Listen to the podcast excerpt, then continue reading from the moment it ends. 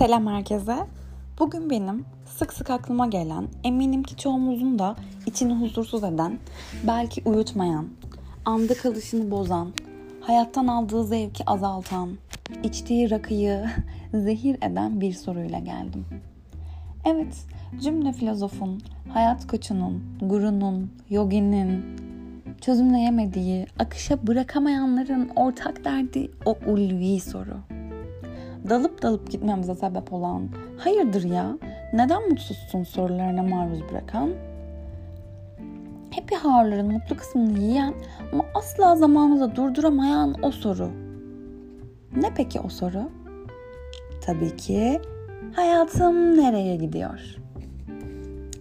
Hani sanki hayatımız bir tren ve sürekli çiçekli böcekli masal diyarlarına gitmesi gerekiyor ve hatta varılması amaçlanan o kadar önemli bir durak var ki bir an önce de varmamız lazım. Tren dedim çünkü tren nispeten yavaş ilerleyen bir ulaşım aracı ve bizim buna sabrımız asla yok. Varsın kardeşim işte bir an önce. Gitsin gideceği yere. Ne diye oyalanıyor, duruyor, kalkıyor, bozuluyor ki yolda. Hani varacağı nokta önemli olmasa neyse de ne diye yolda oyalansın ki? Ne diye herkesin varıp da ballar akan ağaçlardan beslendiği, çikolata ve huzur şelalelerinde yıkandığı, gününü gün eden o masal diyarlığına geç kalsın. Onca çile çektik sonuçta. Oraya varmamız lazım ve sonsuza dek mutlu yaşamamız lazım.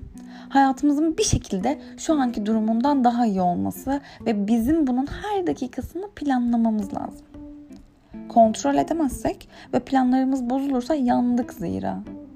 Hele trenimiz raydan çıkarsa aman Allah korusun facia.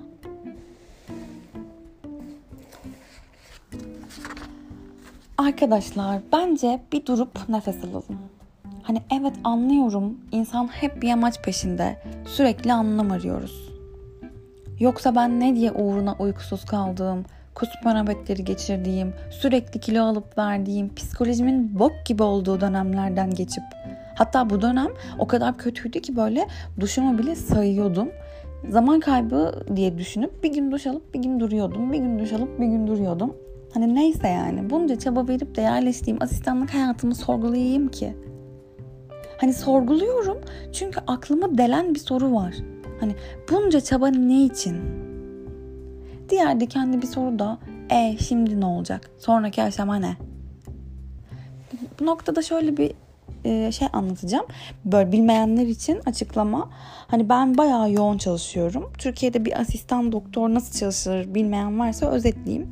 Asistanınızın ilk yılları uykusuz, gün aşırı nöbetlerle, nöbet ertesi mesaiye devam ederek klinikteki en çöp, en istenmeyen, en zorlu işlerle uğraşarak ve aynı zamanda kendinizi kabul ettirmekle ve bir yandan da eğitim almaya böyle işi öğrenmeye çalışmakla geçer.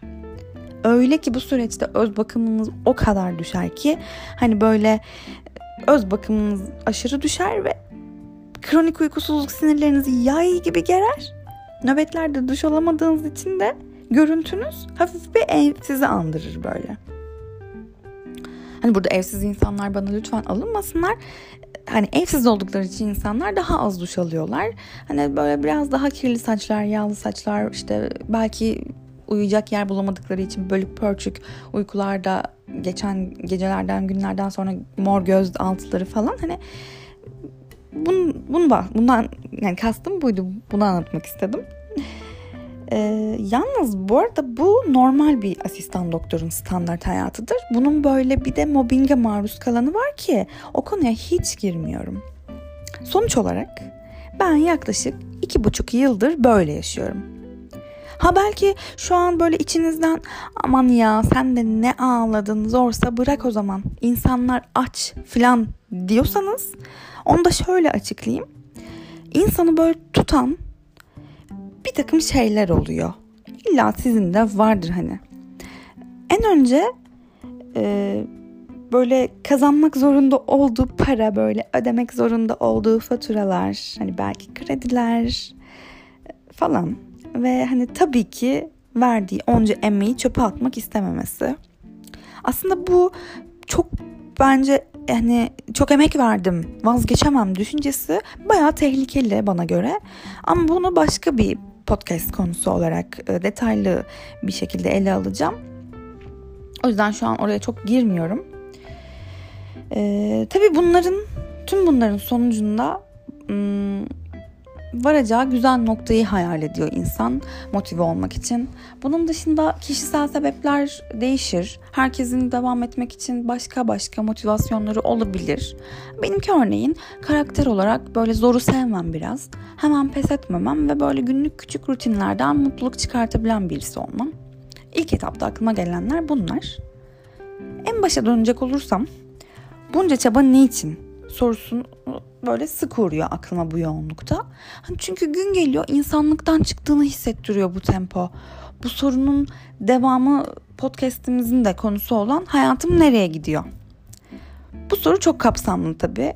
Ben iş yönüyle ele aldım gibi oldu ama ilişkileri de kapsıyor aslında.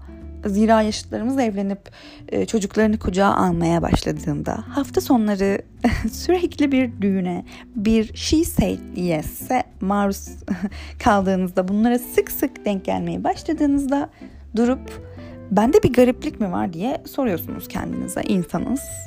Soruyorsunuz yani.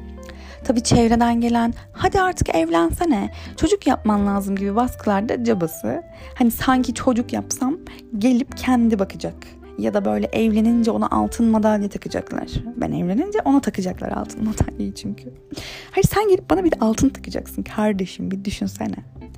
Neyse iyi niyetli olduklarını varsayıyorum ama bence iyi niyette bir yere kadar e, biraz da düşünceli ve farkında olmak lazım.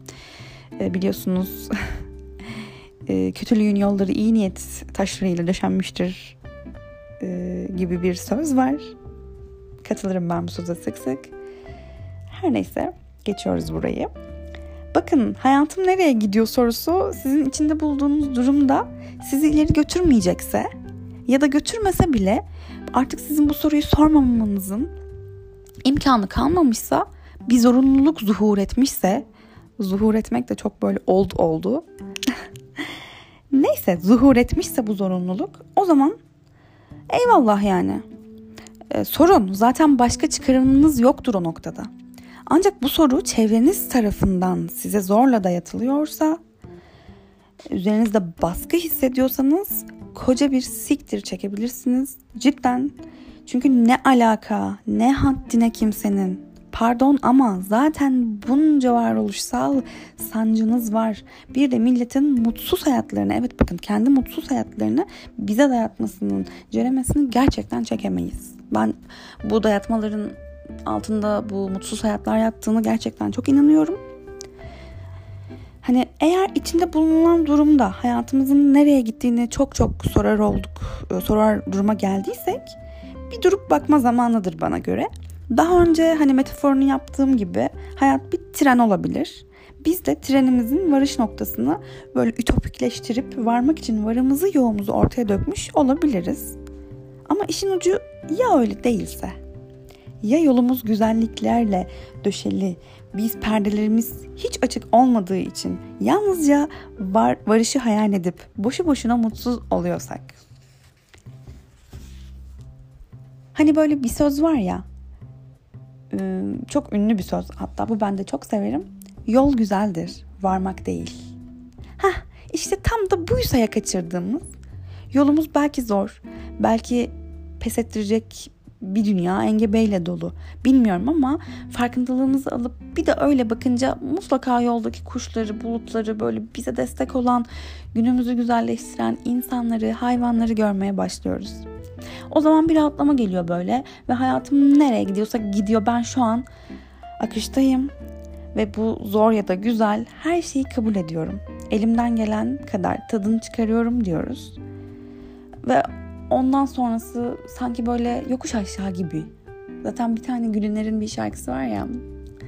Bundan sonrası uçurumun başlangıcı gibi bir şey. Eklerim belki bölüm sonuna. Güzel bir şarkı. Tabi telif hakkı falan var. Muhtemelen şu an ekleyemem ama siz dinleyin.